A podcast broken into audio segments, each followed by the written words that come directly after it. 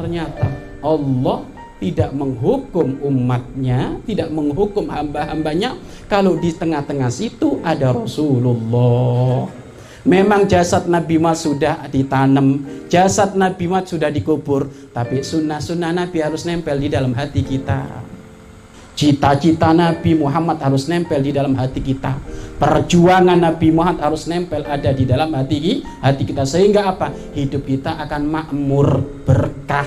Sudah makmur ber, berkah. Kalau sudah makmur, makmur itu tentrem ayem, enak. Walaupun nggak kaya raya, walaupun hidupnya sederhana tapi makmur ya karena jangan sampai dikatakan tolak ukur orang hebat itu harus kaya raya oh enggak korun kaya raya kuncinya seabrek-abrek kunci lemari yang isinya emas mutiara seabrek-abrek tapi ternyata korun pun harus disiksa oleh Allah dihukum Fir'aun juga sama yang punya pangkat punya jabatan hebat kaya raya Fir'aun pun harus ditenggelamkan ada di laut me merah. Banyak cerita-cerita terdahulu dari orang-orang yang hebat itu karena nggak dekat kepada Allah, maka kehebatan itu sirna bahkan menjadi sebab dia dihukum oleh Allah Subhanahu wa taala. Maka ayo kita hadirkan Rasulullah Rasulullah